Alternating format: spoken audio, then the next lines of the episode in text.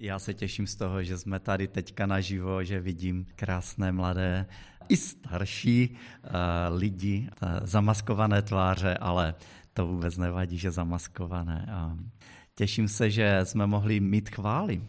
Jedna chvál, z chvál, kterou jsme zpívali, je, že hospodine tvá je velikost a bohatýrská síla. Jsou to slova Šalomouna z knihy Paralipomenon 29, 11 a dál. A také je tam napsáno, bohatství a sláva pocházejí od tebe. Ty jsi král, ty panuješ nade vším, v rukou máš moc, jsi života král. My dneska budeme mluvit o bohatství. Budeme mluvit o tom podobenství, jak říkala Janka, které je v Biblii uvedeno pod názvem podobenství o bohatci, jak říká studijní překlad, a Lazarovi.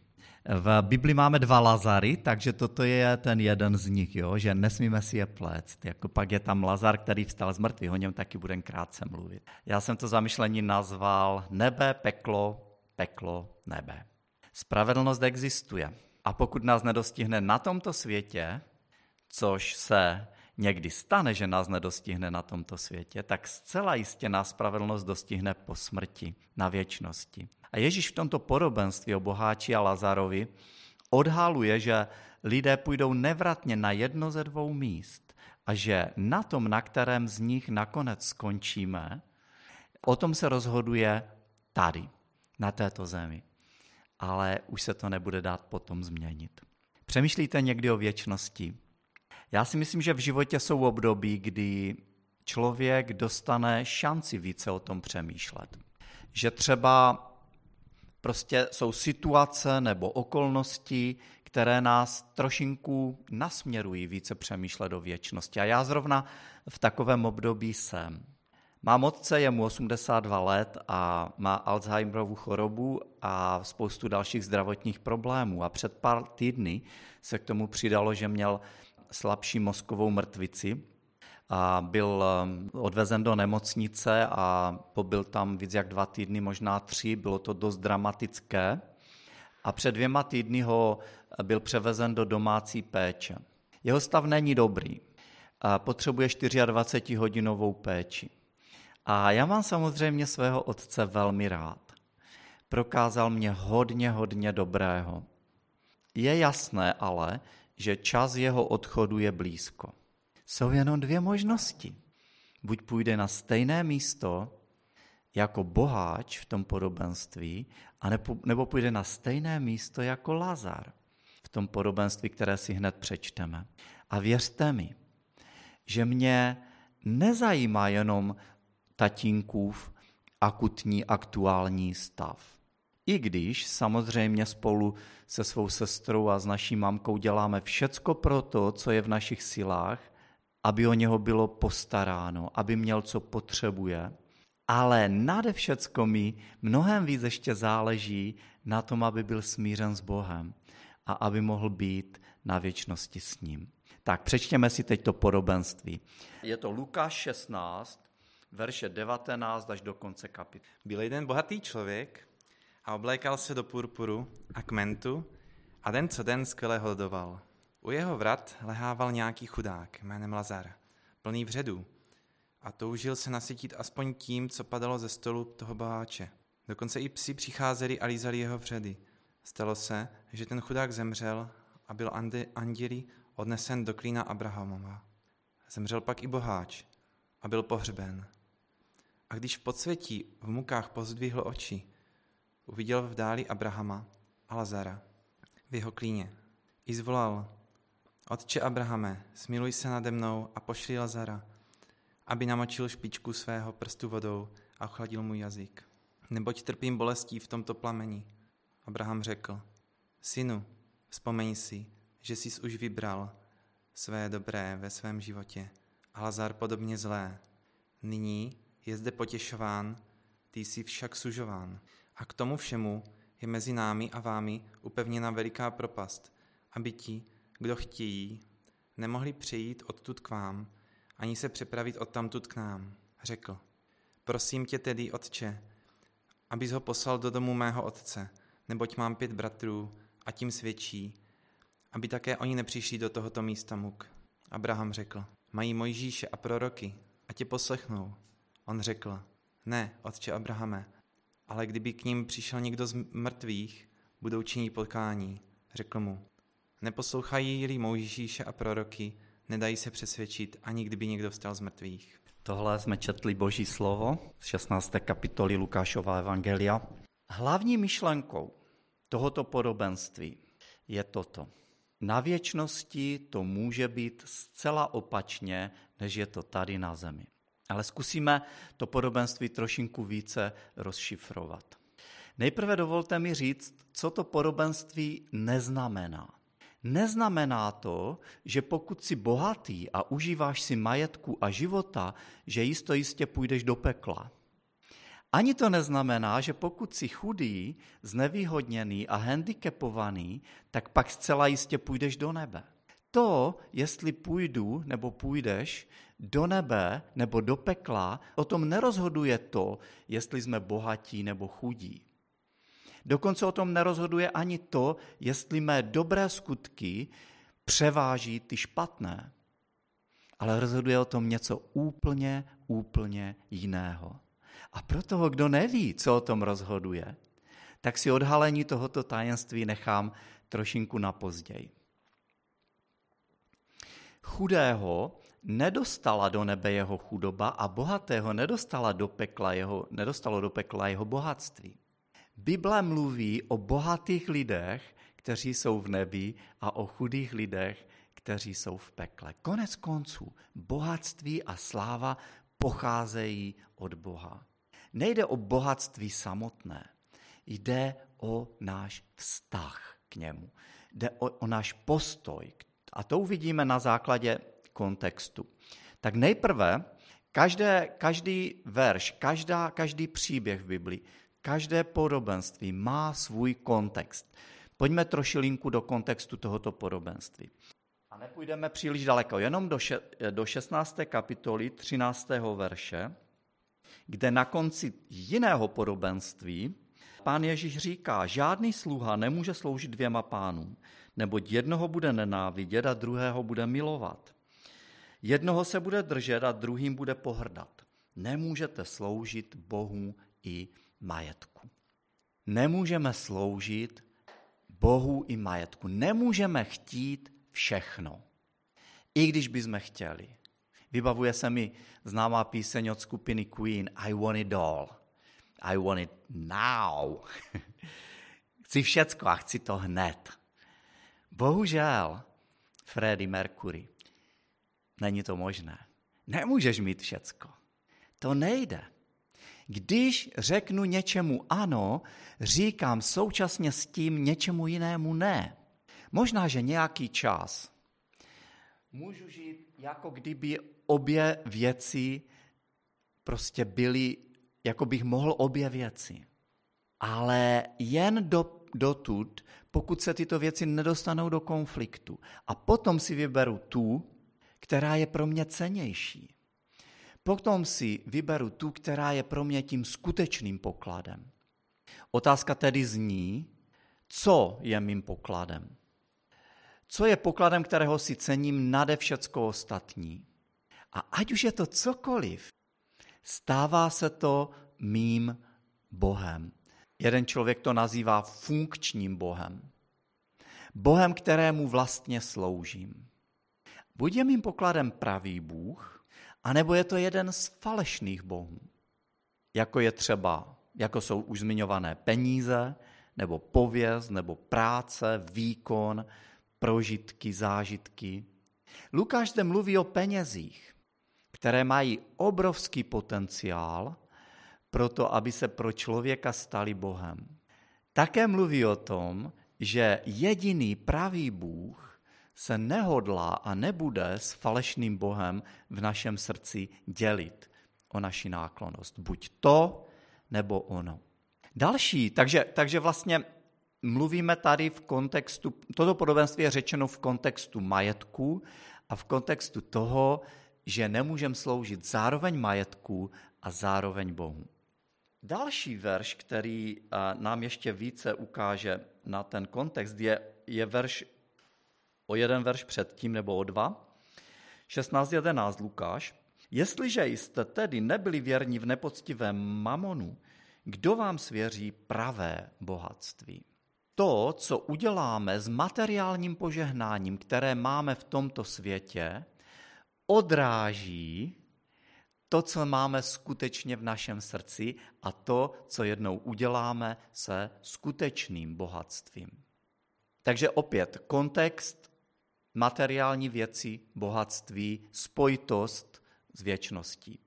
A nakonec poslední kousek kontextu je 14. verš 16. kapitoly Lukáše. Toto všechno slyšeli i farizeové, kteří byli lakomí a vysmívali se mu. Řekl jim, vy jste ti, kteří se před lidmi dělají spravedlivými. Bůh však zná vaše srdce, neboť co je u lidí vznešené, je před Bohem ohavností. Zde se mluví o majetku, konkrétně o, majetku, na kterém si zakládali farizeové, v kontextu sebeospravedlnění. Pro ně byl majetek způsobem, jak ospravedlňovali sami sebe. Ospravedlnění je mimochodem jeden, jedno z nosných témat celého Lukášova evangelia. Tady se mluví o sebeospravedlnění v kontextu s penězi. Peníze se zde stávají prostředkem sebeospravedlnění těchto lidí. Prostředkem, jak zabodovat, jak, jak získat body. Samozřejmě, že je spousta způsobů, jak zabodovat.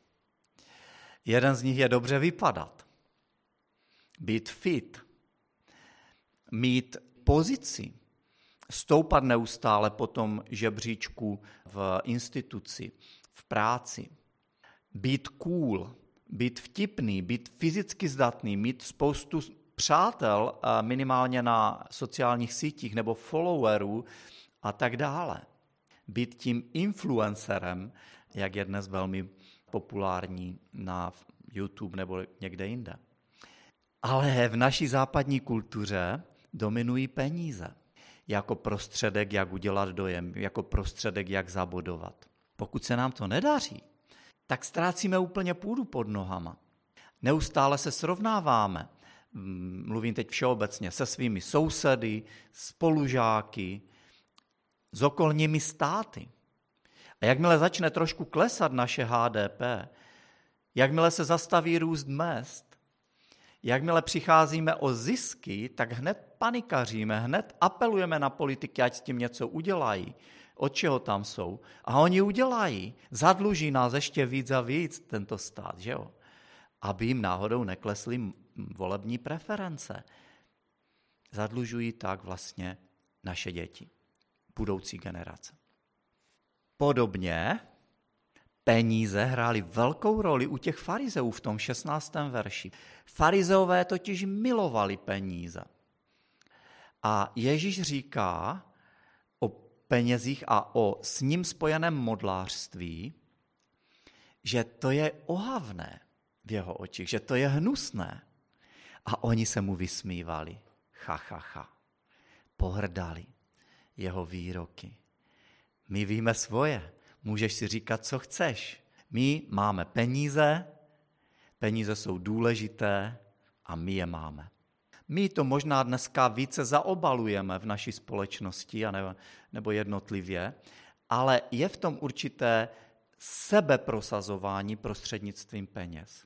To neznamená, že tu nejsou skutečně bohatí lidé, kteří milují a uctívají ne peníze, ale, ale pravého Boha.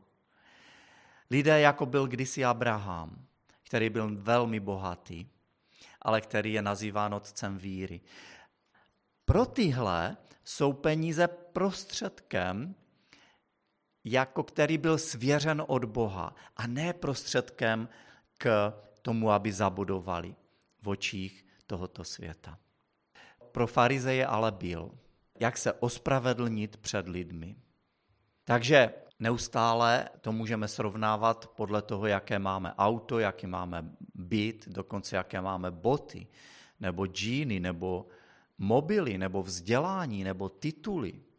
A nebo se srovnáváme, jak moc rezavé máme auto, jak malý máme být a zakládáme si na tom, že nejezdíme na drahé dovolené k moři, ale chodíme pěšky a objevujeme krásy této vlasti. Je to vlastně opak toho prvního, ale princip je ve skutečnosti stejný. Je tady něco, čemu ve svém srdci přikládáme tu zásadní důležitost, co je tím pokladem. A není to Bůh. Toto podobenství je Lukášem zasazeno do putování Ježíše do Jeruzaléma. Je to jako kdyby po cestě. Co bylo v Jeruzalémě? Ježíše tam čekal kříž. Čili kříž a potom z mrtvých stání je vyvrcholením toho všeho, k čemu to směřuje, tedy i tohoto podobenství. Tak, teď podobenství samotné. Jsou zde dvě části. Nejprve verše 9 až 23 je zde vykreslen kontrast mezi dvěma muži. A potom v té druhé části je zde dialog mezi tím bohatým mužem a mezi Abrahamem. Takže nejprve, nejprve to, ten popis toho kontrastu. 19. verš byl jeden bohatý člověk, oblékal se do purpuru a kmentu a den ze dne skvěle hodoval. Je zde představen ten boháč, nebo jak je tady řečeno, bohatec, který žije v tomhle životě pohodlným, požitkářským až opulentním životem, zatímco u jeho vrat lehával nějaký chudák jménem Lazár, plný vředů. A toužil se nasytit aspoň tím, co padalo ze stolu toho boháče. A dokonce i psi přicházeli a lízali jeho vředy. Člověk, tento člověk byl slabý, nemohl sám ani chodit, musel být přinesen, položen před bránu toho domova toho, toho bohatého člověka. Zatímco v tomhle životě je ten kontrast takový, v opačném, ono se to obrátilo na věčnosti. Na věčnosti ten bohatý muž zažívá nevýslovná muka, zatímco ten chudý, slabý, nemocný žebrák bezdomova v příštím životě zažívá nevýslovné štěstí a požehnání. Boháč se oblékal do purpuru. Purpur bylo to nejdražší, ta nejdražší látka, jaká tehdy existovala, protože purpur nebo fialová barva se, se byla, bylo velmi drahé ji nabarvit do této barvy. Dává tím vlastně na odiv své bohatství. Já si to můžu dovolit. Oblékal se také do kmentu, je tam řečeno. Kment to bylo, to bylo vlastně jemné prádlo, které nebylo vidět. Řekli bychom dneska možná spodní prádlo. Bylo to vlastně, pokud vás to zajímá, že i jeho spodní prádlo bylo trendy.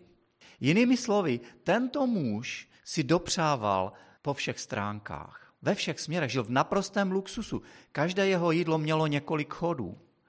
Měl mnoho služebnictva, kteří ho obsluhovali, vybraná vína a tak dále a tak dále. Lazar na, na druhé straně. První věc je, že my známe jeho jméno. A to je na tom zajímavé, že jo? My neznáme jméno toho bohatého člověka, ale my známe jméno toho, toho chudáka. On se jmenoval Lazar. To je z biblického pohledu strašně důležité, že známe jeho jméno. Protože vlastně ten autor příběhu nám říká, jediný, na kom skutečně záleží v tom příběhu, je Lazar. Ne ten bohatý člověk. Ten bohatý člověk není důležitý. Není natolik důležitý, aby byl jmenován. Možná, že ve svých očích, a ne, že možná, zcela určitě, zcela jistě, ten bohatý člověk ve svých očích byl VIP, ale v božích očích byl bezvýznamný. Lazar je jmenován a jeho jméno znamená ten, jemuž Bůh pomáhá. Můžete si říct, je to možný? Ten, jemuž Bůh pomáhá, je nemocný, je slabý, je hladový, je prostě úplně na okraji společnosti nemá nic, jak mu Bůh pomáhá? Možná vám to zní jako, jako paradox, jako ironie. Ale Když se podíváme o kousek dál v tom příběhu, vidíme, jak mu Bůh pomáhá. Vidíme, kde bude trávit tento člověk věčnost. To, jestli nám Bůh pomáhá nebo ne, možná zjistíme až na věčnost. Lazar lehával u brány toho bohatého člověka, to znamená, neměl dost cílí, aby žebral někde na náměstí. Musel tam být přenesen a jinými položen. Nebyly nemocnici, nebyly nějaké sociální služby a tak bylo zvykem, že ten, ti nejbohatší ze svého přebytku se měli postarat o ty nejchudší. Což pro ně bylo zadrobné, jo? to pro ně nebylo nic, co by jim chybělo.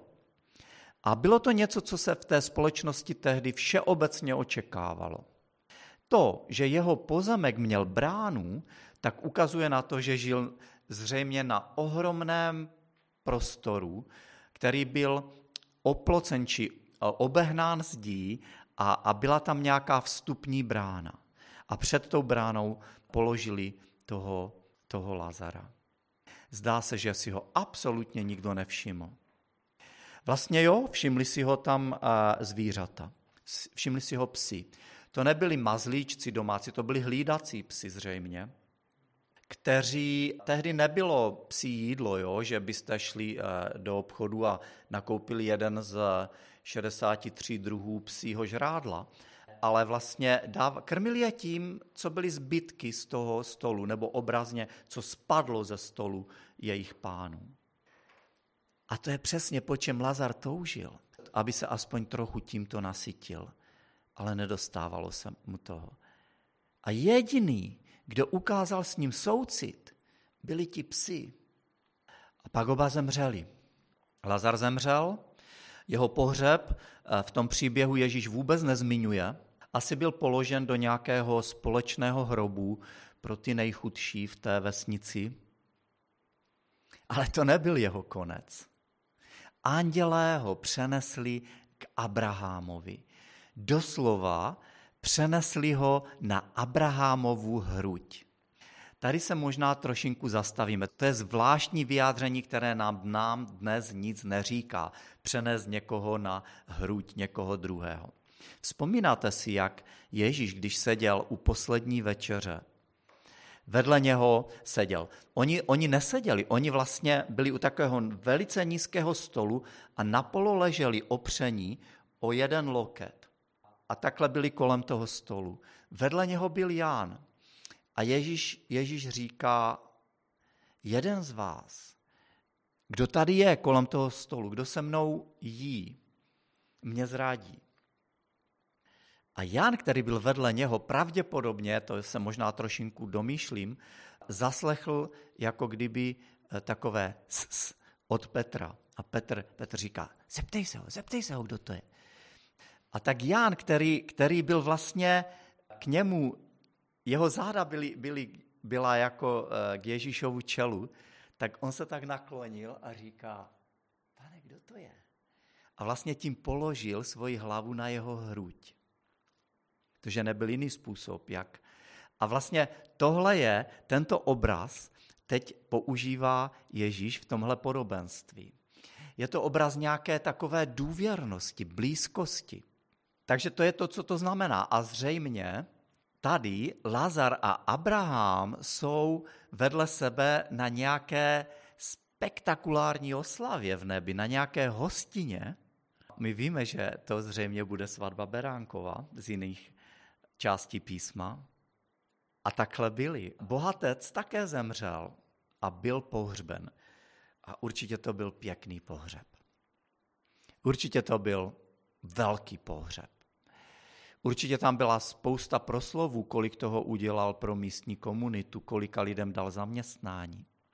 Byl vložen do hrobu, ale ocitl se v pekle a v mukách. A když pozvihl oči, tak z nějakého důvodu uviděl Abrahama. A uviděl dokonce i Lazara vedle něho. A takhle končí ta popisná část toho podobenství. A začíná dialog od 16. verše. My někdy, když eh, čteme příběhy z Bible, které jsou notoricky známé, a toto je určitě jeden z nich, tak, tak jako nevidíme v tom takový ten šok, takové to takové to překv- ten moment překvapení. A abychom ho uviděli, musíme si třeba položit více otázek. Otázka, kterou si tady potřebujeme položit, je, co bych, co bych očekával, co bych očekávala, že v této situaci ten boháč řekne. Přemýšlejte o tom. Co by měl říct, co bych očekával, že řekne. Já bych očekával, že řekne, hů, to jsem to teda zboral. Lazare, je mi to moc líto. Promiň, promiň mi to, můžeš mi to odpustit. Byl jsem tak sobecký a lakomý. Kéž bych to mohl vzít zpět, kéž bych to mohl nějak napravit. Napravit, odpust mi to, prosím. Nečekali byste, že řekne něco podobného. Ale to, co boháč opravdu říká, by nám mělo vyrazit dech. To by nás mělo šokovat. Jak to určitě šokovalo ty původní posluchače tohoto příběhu. On vůbec na Lazara nemluví. On vůbec, on dělá, jako by tam nebyl, jako by byl vzduch. A obrací se na vyšší šarži. Obrací se na, obrací se na Abrahama. A říká, Otče Abraháme, smiluj se nade mnou, verš 24. Nazývá Abrahama svým otcem, to znamená, hraje na národní strunu, na svoji etnicitu, na své židovství. Otče, smiluj se nade mnou. V jeho očích je Abraham bos a Lazar pořád poskok. Pošli Lazara, říká. Pošli ho, ať přinese trošku vody, abych v těch mukách, které zažívám, aspoň částečně zažil úlevu. Takže to, co to ukazuje, je, že jinak řečeno, on vyžaduje služby od někoho, komu nebyl ochoten za svého života dát trošku žrádla pro psy. Dokonce ani v pekle se nemůže vzdát své vlastní důležitosti. Ignoruje Lazara, ignoroval ho tehdy, když trpěl, když on trpěl, ale teď, když trpí on sám, tak chce, aby on mu posloužil. Není tam absolutně žádný náznak lítosti nebo pokání. Co říká Abraham? Odpovídá ve verších 25 až 26. Abraham řekl, synu, vzpomeň si, že jsi už vybral své dobré ve svém životě a Lazar podobně zlé. Nyní je zde potěšován, ty však jsi sužován. A k tomu všemu je mezi náma, mezi námi a vámi upevněna veliká propast, aby ti, kdo chtějí, nemohli přejít odtud k vám, ani se přepravit od tamtud k nám. Co to znamená, tahle slova? Tahle slova znamenají, že lidé nemohou přejít z pekla do nebe, protože je tam hluboká propast. Pokud se jednou dostanou lidé do pekla, není o tam tu cesty ven. S tím mají problém dokonce i někteří křesťané a říkají, Bůh je přece milosrdný. Prostě jak může on odsoudit věčně člověka v pekle? Jak, jak to? Nakonec přece, jako já věřím, že nějakým způsobem boží láska zvítězí a jeho soucita, slitování, jeho dobrota a jeho milost a, a všichni lidé nakonec přijdou k Bohu. Bohužel, tahle pasáž ani žádná jiná pasáž v celém písmu nám nedávají oprávnění si myslet, že je možné něco změnit na tom, když člověk se dostane na místo zvané peklo. Neexistuje žádný meziprostor mezi nebem a peklem. Neexistuje žádný most, neexistuje žádná cesta, která by spojovala obě místa. A zatímco nebe je místo štěstí a radosti, tak peklo je místo muk, místem muga utrpení, bolesti a žízně. A v pekle navíc nikdo nebude chtít činit pokání. Nikdo tam nebude ničeho litovat. Když to neudělal v tomto životě, není žádná šance, že by to udělal potom v pekle. Neudělá to už nikdy. Co je ale obl, obzvlášť zarážející na tom vyjádření Abrahama, je, že on říká, a nikdo nemůže přejít z nebe do pekla. Otázka je, proč by chtěl. Ale proč to tedy Abraham říká? Nevím, jestli to tak je, ale představuju si, že, že Lazar, který stal vedle Abrahama, se na něho podíval a říká, jo, já půjdu, pošli mě, já mu donesu trochu té vody. A Abraham mu říká, i kdybys chtěl, není to možné. Neexistuje žádná, žádný přístup. A potom ve verších 27 až 29 to byla taková první, to byl takový první dialog mezi Abrahamem a bohatým člověkem. Druhý dialog řekl, prosím tě tedy, otče, abys ho poslal, to znamená Lazara, do domu mého otce, neboť mám pět bratrů, ať jim svědčí, aby také oni přišli do tohoto místa muk. Abraham řekl, mají Možíša a proroky, ať je poslechnou. Opět žádné pokání, jenom projev zájmu, záblesk zájmu o jeho vlastní rodinu, o jeho vlastní krev. Pošli Lazara. Lazar předtím to byl ten, kdo měl přinést vodu, teď je to ten, kdo má přinést nějaké, nějaké svědectví. Abraham říká, mají Mojžíše a proroky. Mají Bibli. Ať poslouchají Bibli. My máme víc než jenom Mojžíše a proroky. My máme evangelia, my máme listy, my máme knihu zjevení. My, máme, my vidíme všechny ty nitky ze starého zákona spletené dohromady, jak se naplnili na osobě Ježíše Krista, který byl historickou postavou, který přišel, který žil na téhle zemi, který byl umučen a který vstal z mrtvých. Pokud si myslím, že bych uvěřil, kdyby přišel někdo z mrtvých, kterého jsem znal a řekl mi, jak se věci mají, tak pro mě platí ono Abrahamovo, máš Mojžíše a proroky. Nic víc nepotřebuješ. A bohatý eh, člověk, eh, třetí dialog, eh, pokračuje. On říká, ne, oče Abrahame, ale kdyby k ním přišel někdo z mrtvých, budou činit pokání. Řekl mu, neposlouchají-li Možíše a proroky, nedají se přesvědčit, ani kdyby někdo vstal z mrtvých. Boháč tady opravuje trošinku Abrahamovu teologii. Jo? Říká, ne, ne, ne, není to tak, jak ty říkáš. Něco, máš to trochu špatně, Abrahame. Kdyby přišel někdo z mrtvých, bylo by to tak silné, že by neodolali. Že by, že by všechny jejich pochybnosti se rozplynuly. Ale Abraham říká, nedají se přesvědčit, mají Možíša proroky, nedají se přesvědčit, ani kdyby někdo vstal z mrtvých. Když psal Lukáš tato slova, která pronesl Ježíš, on velice dobře věděl, jak pravdivá jsou.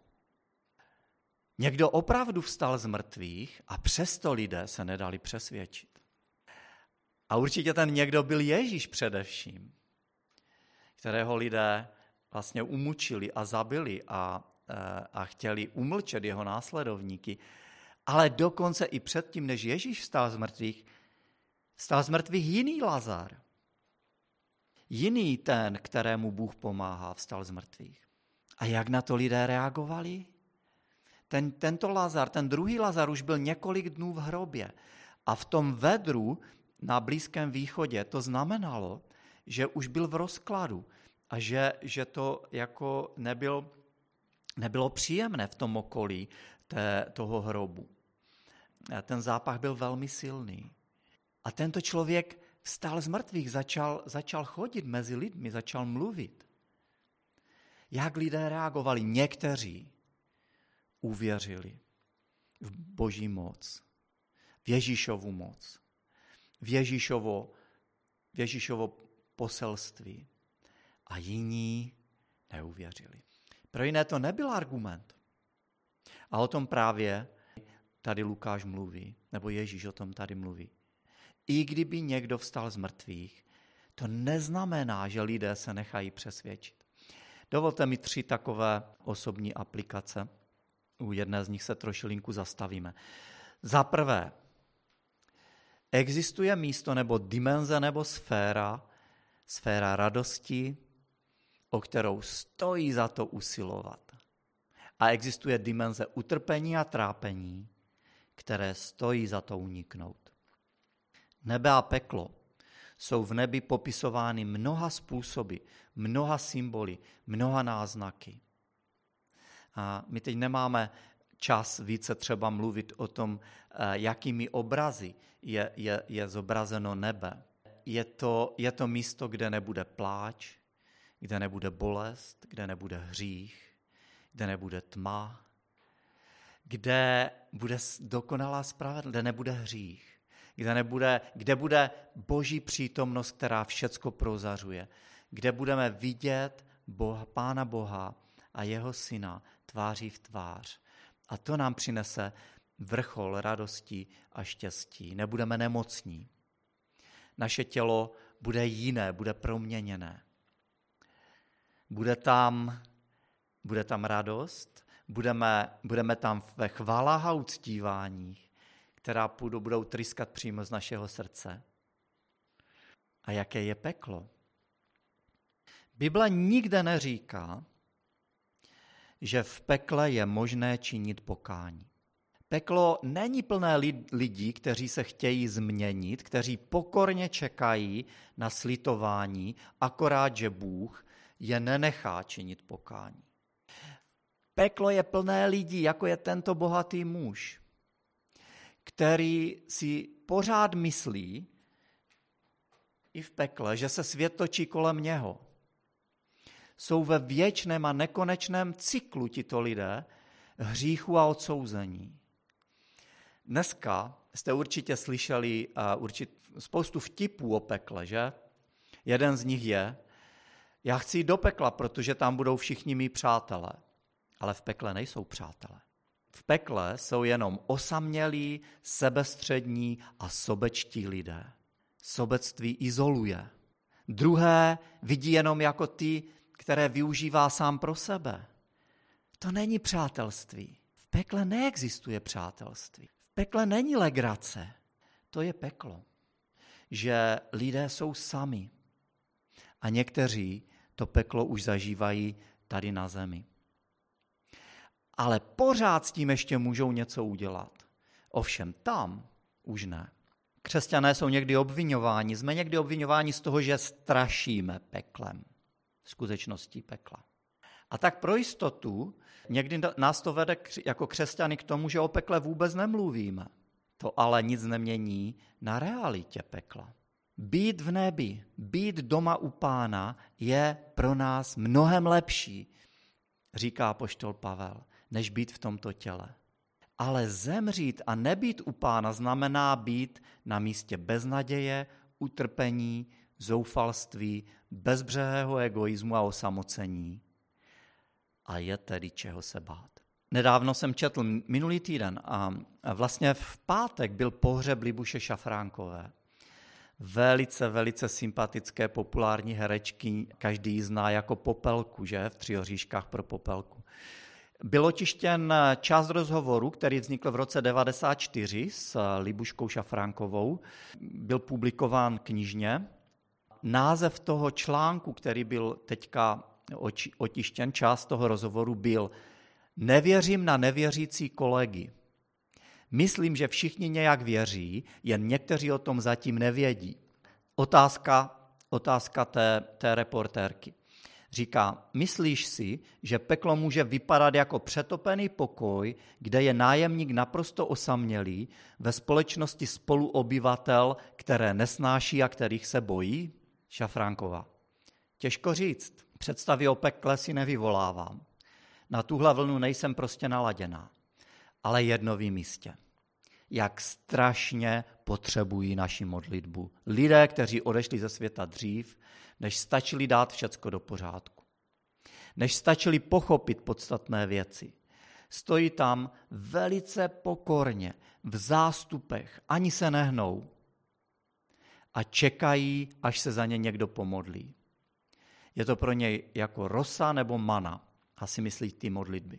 Já ani nevím, jestli si mohu dovolit o tom mluvit. Jednou, když jsem se modlila, jsem měla zvláštní zážitek. Bylo to v době, kdy mi nic nescházelo. Všecko bylo v pořádku, žádné starosti. A tak jsem svoje modlitby věnovala Bohu, aby je použil, kde je, kde je jich v tuto chvíli nejvíce třeba. Jinak mě to většinou svádí prosit za něco konkrétního, za sebe, za své blízké, za různé potřeby a trápení. Ale tehdy jsem modlitby upřímně obětovala. A najednou jsem viděla ten nedozírný zástup. Jehož pokora mě naprosto odzbrojovala. Byla tam hlava na hlavě nekonečné množství lidí, mladí staří stáli bez, tiše bez pohnutí, žíznivě a všichni čekali, až se za ně někdo pomodlí. Snad to bylo čistec. To je zajímavé, že svědectví? Svým způsobem je dojemné. Odhaluje prostě nitro této ženy, její vnitřní život. Já nějak nespochybnuju její vnitřní zážitek, jakési vidění. Ale bohužel musím říct, že v písmu pro něco takového není absolutně žádné opodstatnění. Žádný text, který by nás opravňoval věřit, že je možné změnit dosud člověka po jeho smrti. Mezi námi a vámi je hluboká propast, říká Bůh Abrahamovi ústy. Modleme se za živé, ne za mrtvé. Nevěřme vlastním rozumu, ani viděním, ani zážitkům. To je, co říká písmo, že není možné. Naše modlitby mrtvým nepomohou. Takže nebe je místo, kam stojí za to přijít, peklo je místo, kterému stojí za to se vyhnout. Druhá taká aplikace. Věci, na kterých v tomto životě si tolik zakládáme. V tomto případě to bylo bohatství. Ale může to být také náš původ, národnost, náboženství, moc, úspěch nebo zdraví. Může to být náš vzhled, může to být vzdělání, může to být naš, naše rodina nebo, nebo že jsme v dobré kondici. Všechny tyto věci nás mohou zaslepit vůči potřebě milosti, vůči potřebě boží milosti. Ty věci samotné mohou přitom být buď dobré, nebo špatné, nebo neutrální. Ale pokud si na nich zakládáme, mohou nás zaslepit. Takže nevidíme, jak moc potřebujeme boží pomoc, odpuštění a milost. Tak v konci tou nejdůležitější otázkou je, kdo je Lazar. Kdo je ten, jemuž Bůh pomáhá? Není to ten, kdo má v tomto životě všechny výhody, v jeho životě není místo pro Boha, ale je to ten, jenž spočívá na Abrahamově hrudi v příštím životě. To je ten, jemuž Bůh pomáhá. OK, ale jak se mohu stát tím, jemuž Bůh takto pomáhá? Není to nic těžkého nebo složitého. Můžu se tak stát, můžu se jim stát tím, že uznám, že to sám nezvládnu, že si nemohu pomoci sám, že jsem hříšný a že potřebuju boží odpuštění. Potřebují vykoupení ze svých hříchů a ze svého stavu.